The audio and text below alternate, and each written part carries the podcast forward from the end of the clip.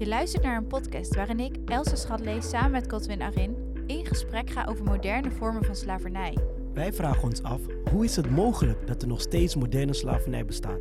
Bij deze podcast schuiven verschillende kennis aan om ons hierover meer te vertellen. Welkom bij de Justice Seekers podcast.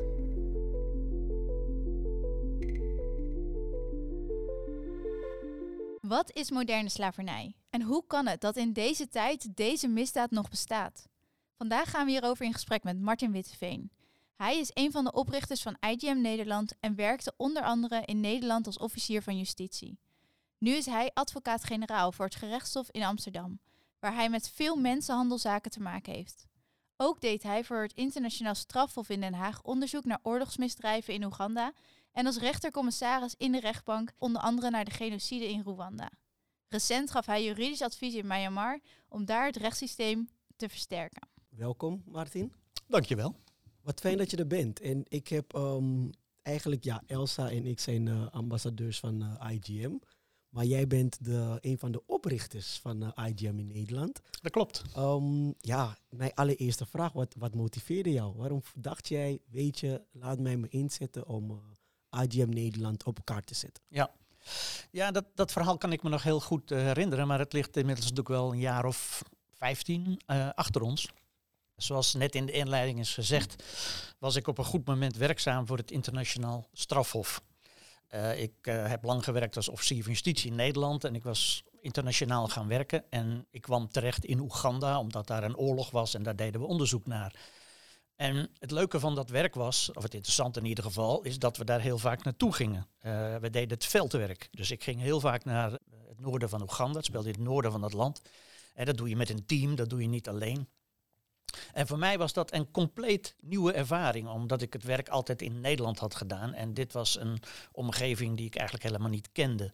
Zowel eh, geografisch niet, ik was nooit in dat deel van Afrika geweest. Het is echt een heel ander deel van de wereld. Het noorden van Oeganda is echt het, uh, wat ze wel noemen, het donkere hart van, uh, van Afrika. Um, maar ook de materie was voor mij helemaal nieuw. En uh, een van de bijzondere dingen van het werk daar was dat ik heel veel aan netwerking uh, deed. Dus met lokale overheden, met de politie, met de militairen, maar ook met de VN en heel veel met lokale NGO's. En het ging natuurlijk heel erg over wat daar gebeurd was en de misdrijven die daar gepleegd werden. En ik weet nog heel goed dat ik daar rondreisde en op een gegeven moment het idee kreeg. Um, ja, zijn er eigenlijk ook NGO's die zich inzetten voor versterking van het recht. En specifiek voor dingen die met mensenhandel of uitbuiting hebben te maken. En dat kwam ook omdat het onderwerp van ons onderzoek was uh, die rebellengroep die daar was. Ja. En een van de kenmerken van de rebellengroep daar was, uh, de Lord's Resistance Army, de LRA zoals het heette, was dat zij kinderen kidnapten, jongens en meisjes. En de meisjes werden sek, uh, seksslavin in het leger en die jongens werden strijders.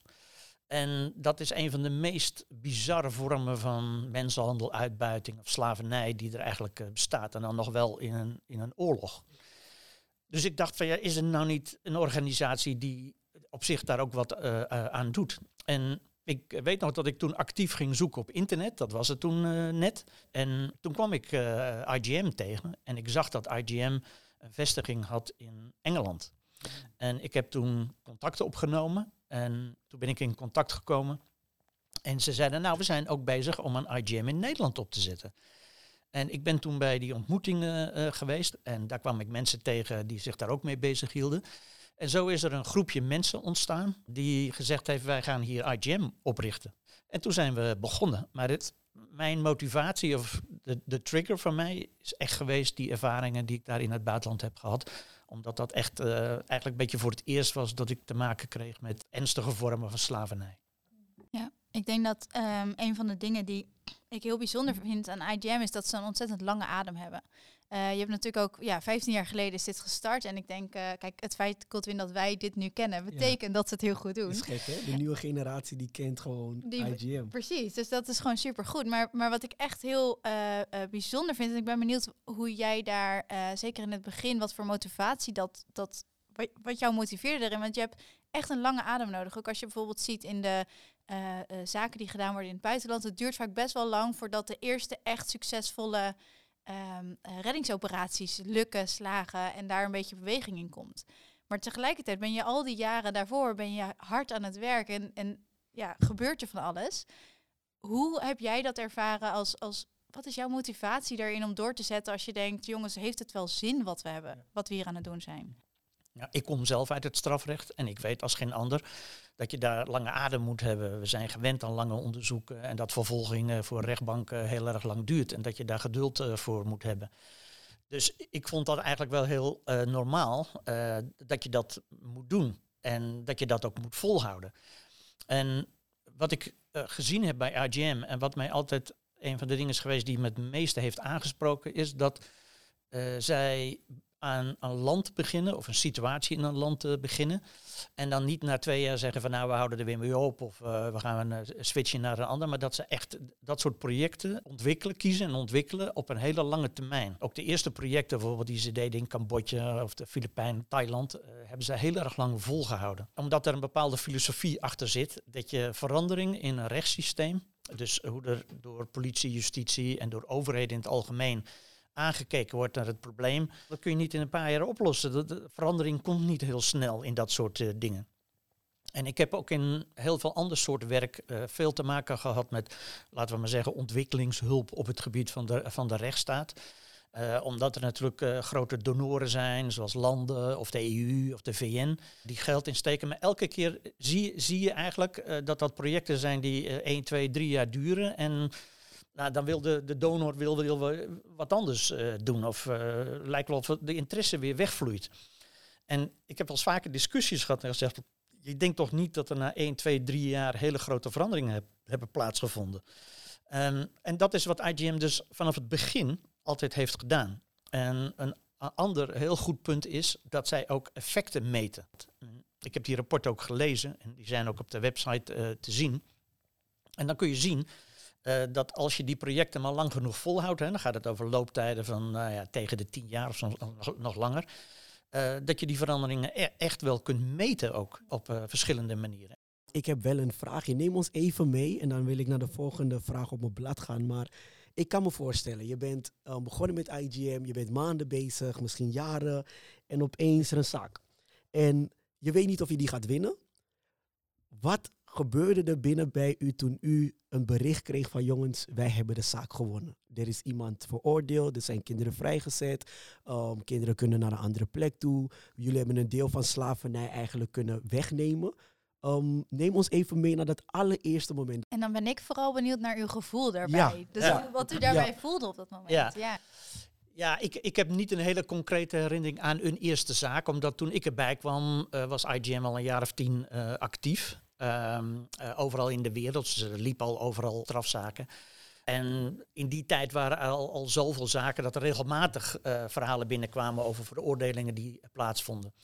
Als ik heel eerlijk ben, is mijn, mijn belangrijkste gevoel niet zozeer verbonden aan als mensen veroordeeld worden, maar meer als mensen bevrijd worden.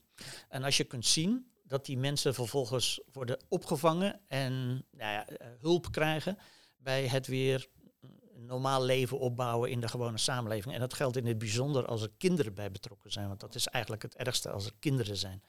En dat heb je op verschillende plekken in de wereld, heb je daarmee uh, te maken. Dat, dat zijn eigenlijk de meest nou ja, jubelmomenten, om het zo te zeggen, die, die je hebt als, als dat soort dingen uh, gebeuren. Dus dat zijn voor mij eigenlijk de meest bijzondere gevoelsmomenten en, uh, en, en, en, de geluksmomenten. Um, veroordelingen, um, dat zijn momenten waarop ik een heel tevreden, gewoon tevreden gevoel heb. Dat je zegt, uh, weet je dat is een enorme investering om mensen veroordeeld te krijgen. En als dat dan gelukt is, dat gevoel ken ik natuurlijk zelf ook omdat ik dat jarenlang zelf heb meegemaakt. En als mensen worden vrijgesproken, uh, wat kan gebeuren, en dat is natuurlijk aan een rechter om te bepalen, dat moet je respecteren. Maar um, die momenten heb ik zelf in mijn eigen werk ook uh, meegemaakt. En dat zijn heel vaak momenten van teleurstelling. Weet je, dan heb je al dat werk gedaan. Dus kortom, als mensen worden veroordeeld, dan, dan, dan, zijn dat, dan, dan, dan ben je gewoon heel erg tevreden. En dan krijg je een beetje een gevoel van rust over je. Van oké, we hebben het niet voor niks gedaan, dat is mooi. En weet je er is iemand die zit vast, zodat iemand het niet weer kan doen. En dat is ook een, dat is gewoon een heel goed gevoel dat er iemand eh, beperkt wordt in zijn vrijheid, omdat hij dit soort misdrijven heeft. Ja, eh, en, en ehm, we hebben het. Ik, ik wil hem eigenlijk een beetje terugbrengen naar Nederland. Want je hebt in Nederland eh, gewerkt als officier van justitie. Ja. En eh, mijn vraag is: heb je wel eens te maken gehad met mensenhandel of moderne slavernij? Ja, ik heb eh, jarenlang heb ik dit soort zaken zelf vervolgd. Dat was dan in hoger beroep in Amsterdam, maar zoals in de inleiding is gezegd, ik was ook rechtercommissaris eh, een jaar of vijf. Dat was weliswaar voor oorlogsmisdrijven, maar ik heb toen ook verschillende mensenhandelzaken gedaan. En dat zijn dan zaken waarbij je het onderzoek doet voor de rechtbank. en als vervolging heb je natuurlijk een heel ander soort eh, type werk. Maar in die periode heb ik eh, ook geleerd dat er in Nederland natuurlijk heel veel aan de hand is. Ik kan nou niet zomaar alle zaken hier gaan eh, samenvatten, maar wat ik daarvan overgehouden heb van die eh, periode, en eh, ik, ik doe nog steeds wel eens die zaken, dat is dat ik altijd weer verbaasd ben hoe in een land als Nederland enorme uitwassen nog voorkomen op het gebied van uitbuiting en mensenhandel. Waarvan ik denk, het zijn de meest bizarre zaken die, die ook hier nog gebeuren. En gelukkig hebben we hier in Nederland een opsporingsapparaat met de politie en anderen. En, een- en een apparaat van eh, de rechtspraak. En bij het Openbaar Ministerie die er, heel, die er heel veel aan doet. Dus we hebben ook best wel heel veel zaken die we kunnen voorbrengen. Maar, dat, dat maakt echt nog steeds enorme indruk over wat er in Nederland eh, gebeurt. En dan hebben we het over seksuele uitbuiting. Ik herinner me vooral verschillende zaken waarbij hele jonge meisjes in de banden raken van jongens. Hè, de loverboy-achtige. Eh, zaken. Daar heb ik er een, een paar van eh, gezien. Dat is heel pijnlijk. Zeker ook als er, eh, omdat, omdat er ouders bij betrokken zijn die ongerust zijn over, over hun kinderen. Maar ik heb ook al arbeidsuitbuitingszaken meegemaakt. Er zijn nog steeds in Nederland ook rare situaties van mensen die vinden dat ze, dat ze iemand tot slaaf kunnen maken. Dus echt als, alsof je het soort eigendom bent, die ze ook zeg maar, kost een inwoning geven, maar er verder alles laten doen. En dat speelt zich gewoon af gewoon ja, in Nederland. Ja, dat, gebe- dat gebeurt hier nog op verschillende plekken, ook, ook soms met heel veel geweld. Ik heb in Amsterdam gewerkt en eh, in Amsterdam eh, heb je natuurlijk de Wallen. En eh, op de Wallen gebeurt heel veel. En daar zijn zoveel strafzaken die we daar hebben gehad. Van met name meisjes uit Midden-Europa, noemen we dat, Roemenië, maar met name Hongarije of andere landen. Eh, die hier door families worden gebracht en hier achter de ramen worden gezet. Eh, en dat, dat is vaak heel gewelddadig ook. Die meisjes worden geslagen en op andere manieren beperkt in hun leven. Hele pijnlijke situaties meegemaakt. Ja, het, het is eigenlijk eindeloos. Er zijn zoveel verschillende types en soorten. We hebben ook zaken waarbij eh, mensen uit het buitenland worden gehaald om hier eh, te werken. Ik heb in Den Haag een zaak gehad van Indonesische vrouwen die hier eh, in een eh, huis eh kroephoek moesten bakken voor de, om kroephoek te verkopen. Eh, of eh, jongens uit India die hier naartoe kwamen om eh, op de Haagse markt eh, te werken en die werden eh, uitgebuit. Eh, dus ja, weet je, het is, het is, heel, het is heel verscheiden, maar het is, eh, we moeten niet vergeten, in Nederland gebeurt echt ook, ook heel veel. Het is niet zo dat, eh, dat dat alleen ver. Maar, en als er dus in Nederland zoveel gebeurt, heeft het dan wel zin of is het eigenlijk wel goed dat we ons dan eigenlijk gaan richten op bijvoorbeeld eh, Zuidoost-Azië, Afrika, terwijl we hier eigenlijk ook nog zoveel onrecht hebben? Ja, dat is, ik zie dat niet als een, als een punt of als een probleem. In Nederland hebben we genoeg welvaart en geld en zijn we goed georganiseerd om daar wat aan te doen. Dat kan altijd meer, hè, want er zijn een, de, de bestrijding van mensen in Nederland is ook niet helemaal optimaal. Hè, en er wordt ook veel over gepraat. En, eh, nou, weet je wel, dat, dat loopt allemaal wel. Maar we hebben nu eenmaal als rijke landen, hebben vind ik, eh, de taak om eh, wereldwijd eh, te kijken. Eh, sowieso omdat dat in die landen gebeurt. En ja, daar moet, eh, daar moet wat aan gebeuren. En als je vanuit je eigen welvaart daar een bijdrage aan kan leveren, ben je verplicht om dat te doen. Mm. Maar eh, er is ook het element dat heel veel uitbuiting in het buitenland te maken heeft met onze welvaart. De dingen die wij kopen hier in Nederland, voor een heel groot gedeelte zijn gemaakt door uitbuiting van anderen in het buitenland. Daar is steeds meer aandacht voor, eh, gelukkig.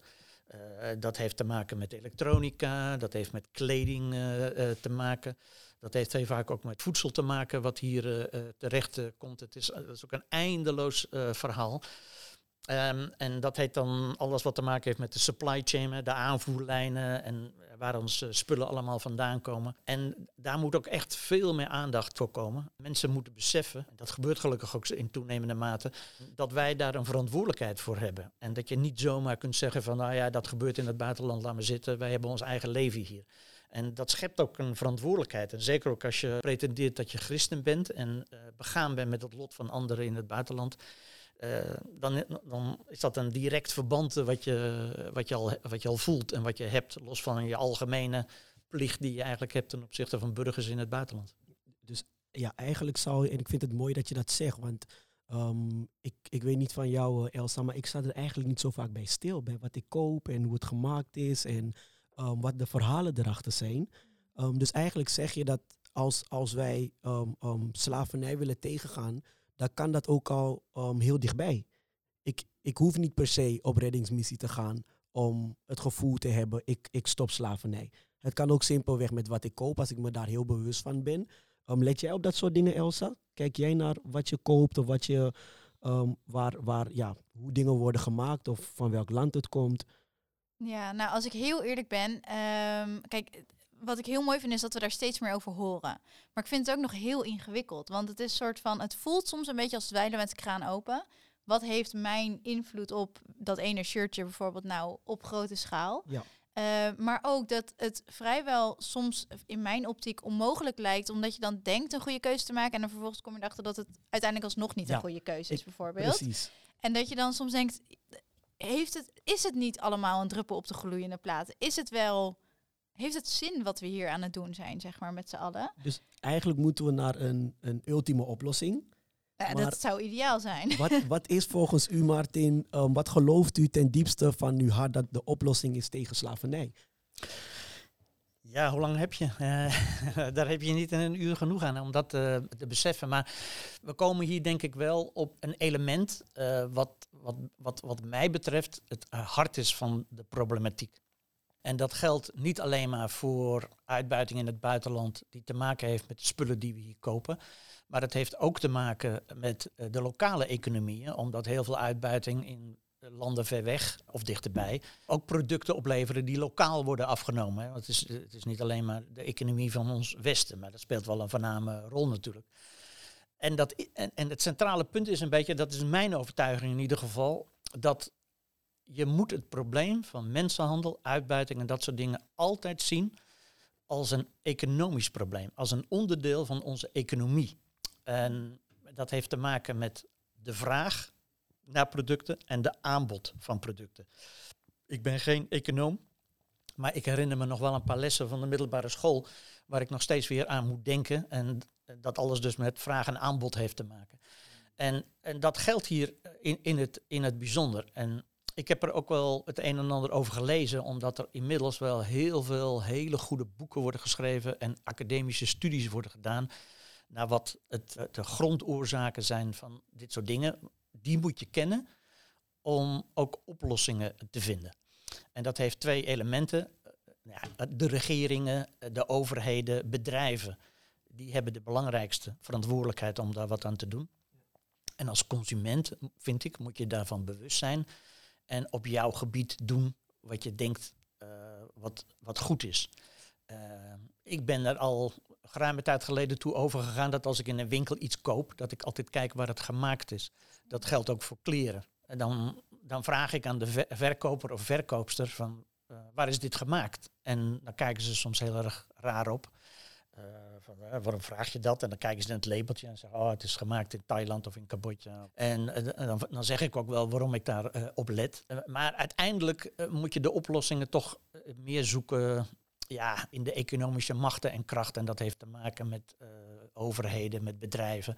Ik weet niet hoe diep je erop wil ingaan, maar je, je kunt heel erg ver gaan. En, en nogmaals, er is heel goed research gedaan over wat echt uh, de belangrijkste oorzaken zijn uh, van, uh, van dat hele probleem en wat je dan vervolgens ook zou kunnen doen.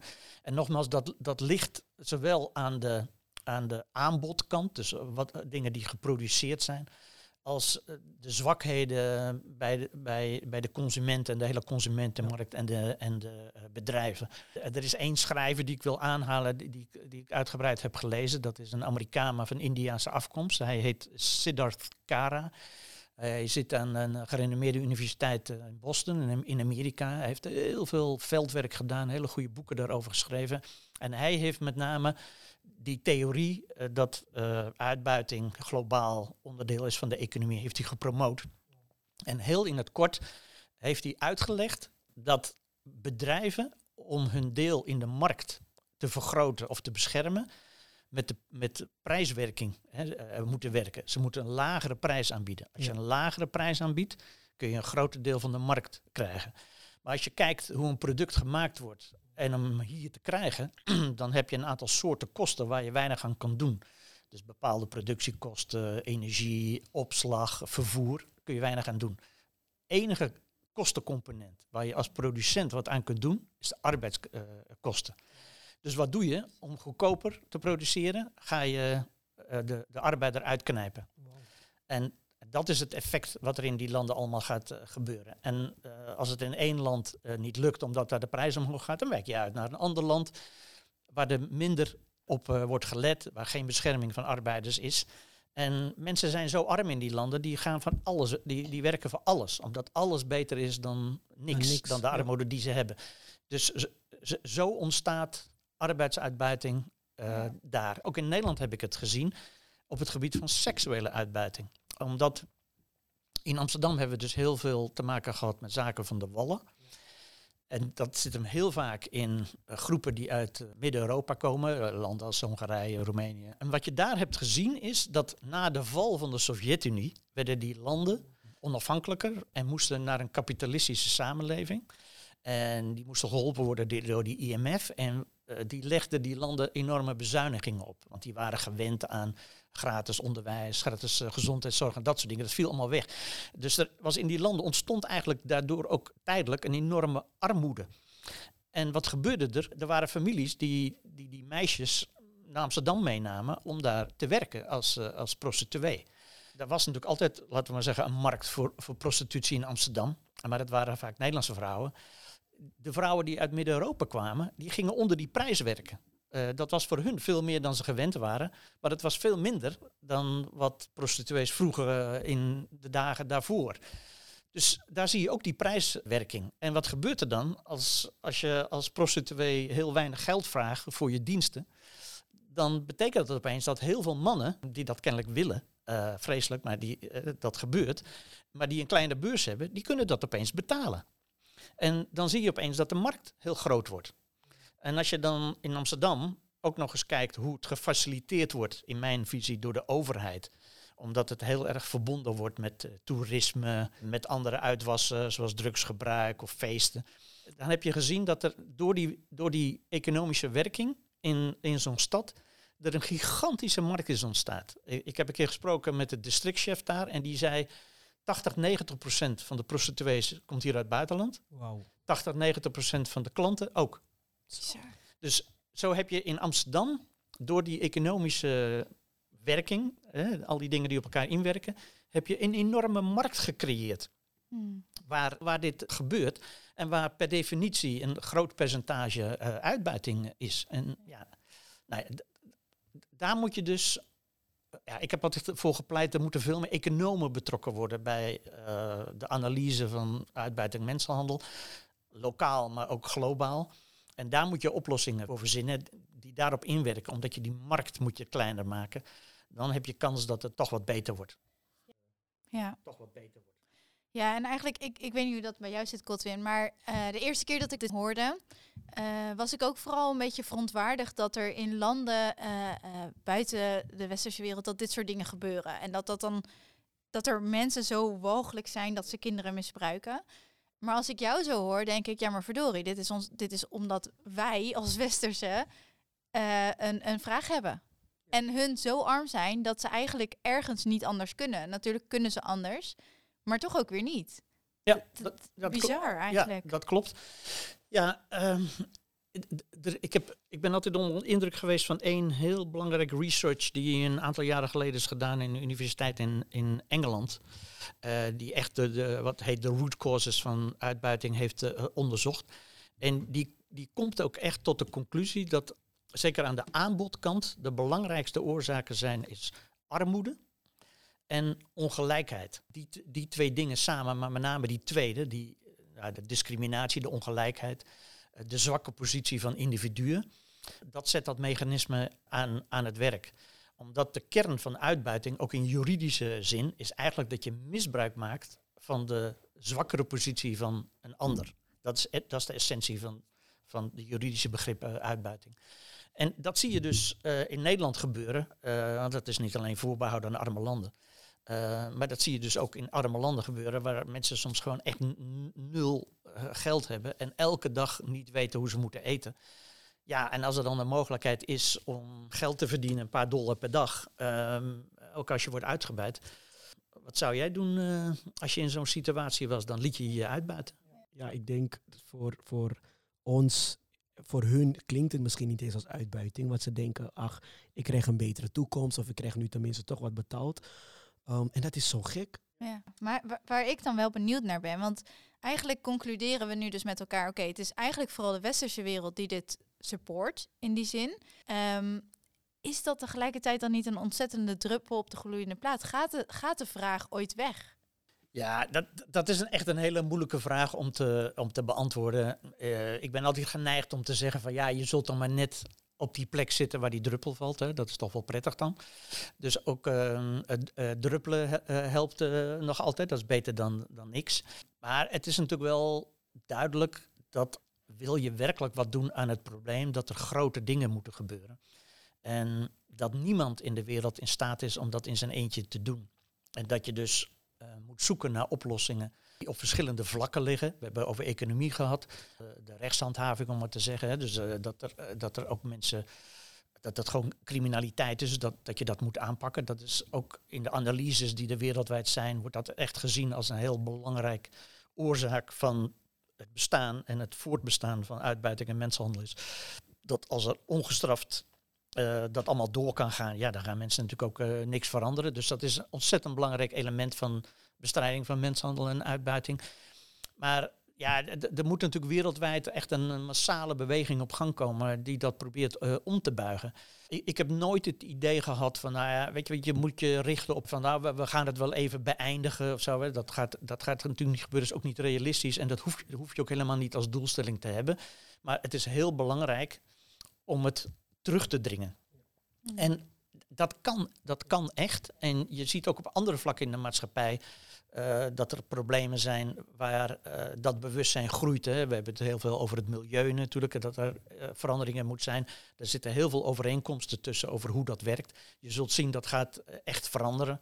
Ehm, en ja, dat kan dus hier ook. En het goede nieuws is dat er in de afgelopen, denk ik, 10, 20, 30 jaar is er zo ontzettend veel bewustzijn gekomen. Er is zo ontzettend veel aandacht voor. En er zijn zoveel goede initiatieven. Um, dit ga je niet zomaar oplossen, maar je, je kunt het echt in een hele belangrijke mate terugdringen. En IGM heeft al aangetoond uh, nou ja, dat in de regio's en gebieden waar zij werken, dat ze dat ook echt hebben laten zien. En dat ze dat hebben kunnen meten dat het uh, uh, beter wordt. Maar goed, de, oplossing is natuurlijk dat er nog veel meer gebeurt. Ja.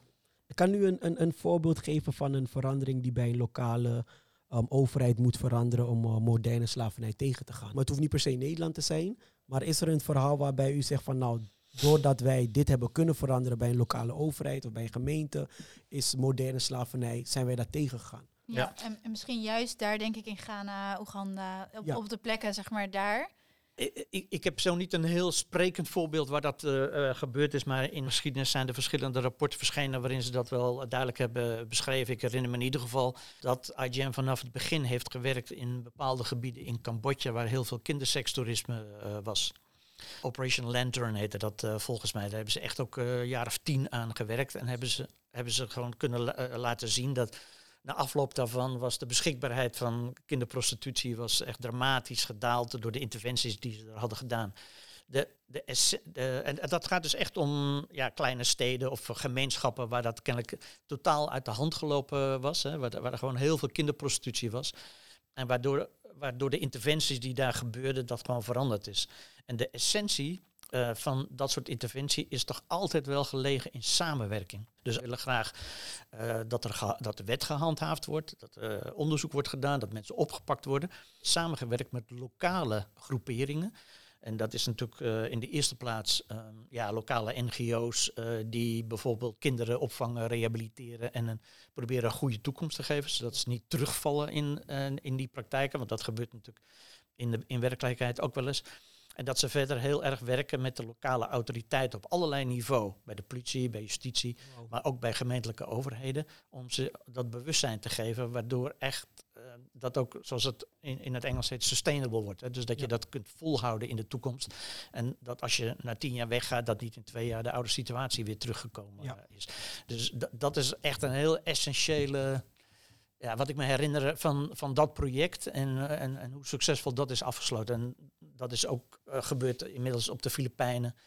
eh, bij online seksueel misbruik van, van kinderen, waar ze daarmee bezig zijn. En dat bijzondere vind ik altijd dat als je kijkt ehm, in Nederland, waar natuurlijk altijd over beleid wordt gesproken, over hoe pak je mensenhandel aan, dat dat ook eigenlijk altijd een nadruk heeft gekregen. Dus er is altijd gezegd door autoriteiten, en wij hebben in Nederland een nationaal rapporteur die er heel veel werk in heeft gedaan, is eh, jullie gemeenten moeten wat doen. Ja. Daar gebeurt het in wezen.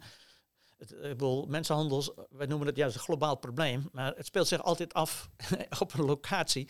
En die locatie is wel in een gemeente of in een regio of eh, in een dorpsgemeenschap. Het gebeurt eigenlijk gewoon om de hoek. Ja. Eh, alleen het is niet altijd zichtbaar. En je moet dus eh, kennis en wetenschap en bewustzijn hebben om het te kunnen herkennen, om er dan vervolgens ook wat aan, aan te kunnen doen. Dus het werken in kleine gemeenschappen is echt gewoon echt heel essentieel. Eh, Is- en dat geldt ook voor Nederland. Is dat dus ook hoe een werkend rechtssysteem succesvol kan zijn? Als die gemeentes lokaal het voor elkaar krijgen met elkaar om, eh, Ja. om het tegen te gaan? Ja, ja dat, de, de, de kern daarvan is, en, en nogmaals, dat, dat kun je toepassen in de hele wereld, dat in die kleine gemeenschappen, eh, een, een, een dorpsgemeenschap of een stad of een, of een regio, de mensen die ertoe doen, eh, en dat geldt eigenlijk voor elke burger, voldoende bewustzijn moeten hebben en ook kunnen zien wanneer eh, de, wat, wat tekenen zijn van uitbuiting, zodat ze dingen herkennen en het kunnen melden. Dat- is, een, zo'n essentieel onderwerp van een strategie, het melden. En een ander belangrijk onderdeel daarbij is dat voordat een politie of een opsporingsinstantie ingeschakeld wordt, eh, er zijn in, bij de overheid ook heel veel, ehm, ja, we noemen dat inspecties, mensen die controles kunnen uitoefenen. En in, in Nederland geldt dat bijvoorbeeld eh, bij het ministerie van Sociale Zaken. Die hebben een, een inspectie van de arbeid. En die controleren, of die kunnen overal controleren. Die controleren overal wat de arbeidsomstandigheden zijn. En dat gebeurt vaak op, op lokaal niveau. Of dat gebeurt met een gemeentelijke instantie. Want de gemeente geeft vergunningen af. Maar die moeten ook wel controleren of iedereen zich daaraan houdt. Dus als je die mensen voldoende traint, bewust maakt. Dat ze hun ogen open houden. En dat die mensen ook worden gestimuleerd om meldingen te doen als zij verdachte dingen zien. Ja. Dat is een essentieel onderdeel van bestrijding van mensenhandel. En dat geldt natuurlijk ook elders in de, in de wereld. En dat geldt ook voor, voor consumenten of klanten of alles wat je, wat je ziet. We moeten niet meer bang of terughoudend zijn om te zeggen van nou, daar bemoei ik me liever niet mee. Weet je wel? Eh, je moet het gewoon melden. Er zijn voldoende plekken waar- je, waar je terecht eh, kunt. Waar kan je terecht als iemand nu denkt, waar kan dat? Ja, ehm, er zijn verschillende meld in Nederland zijn er verschillende meldpunten. Er zijn ook instellingen die zich daar specifiek mee, eh, mee bezighouden. Maar goed, in het buitenland ja, hangt het natuurlijk van het land zelf af. Daar is dat natuurlijk veel moeilijker, omdat dat slechter georganiseerd is. Ik weet ook wel van initiatieven die ehm, het mogelijk maken om eh, digitaal te melden. Eh, tegenwoordig zijn er eh, NGO's, ik weet dat er eentje in Thailand is, heb ik wel eens, eh, gezien. Eh, die hebben een app ontwikkeld. En als je die app downloadt en je ziet iets, dan kun je foto's maken. En dan kun je op die app kun je die foto uploaden en dan kun je een melding maken. Wow. Tof. En dat is zo heel erg toegankelijk, hè? omdat het zo heel erg aansluit eh, bij de manier waarop mensen tegenwoordig bezig zijn met sociale media en eh, goed. telefoongebruik. En het is eh, redelijk anoniem, eh, dus je hoeft ook niet meteen met naam en toenaam naar de politie te gaan, want heel veel mensen vinden dat vervelend. Dus zo moet je ook hele moderne technologie moet je eigenlijk introduceren bij dit element van bewustzijn en melden. En dat kan heel goed. Ik, ik vond het eigenlijk heel mooi dat, ehm, dat u zei dat uh, misschien is het wel een druppel op een gloeiende plaat, maar wat zal het mooi zijn als jij toevallig bent waar de druppel valt. Hmm. En um, dat is voor mij ook echt wel een motivatie, denk ik nu. Van, weet je, ondanks we um, ons inzetten, zijn we misschien niet in één keer heel effectief, denken wij. Maar we zijn wel um, effectief op lokale plekken. En dat zorgt ervoor dat die druppel zich uiteindelijk kan uitbreiden en meer druppels kunnen vallen. En uiteindelijk krijg je een hele, ja, moet ik zeggen, een hele kom met water. Hele Um, zee. Een hele zee, een hele oceaan, Een regenbui. een regenbui. Um, ik vind dat heel mooi. Um, Ja, ik, ik, ik zou willen zeggen, ik hoop dat mensen niet te veel worden beïnvloed door het argument van ah, het is toch maar een druppel op de gloeiende plaat.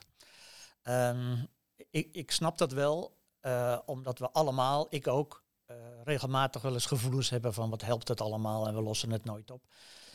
Je moet blijven vasthouden aan het idee dat dit een zo groot probleem is, dat je, dat je niet zomaar kunt zeggen we lossen het op.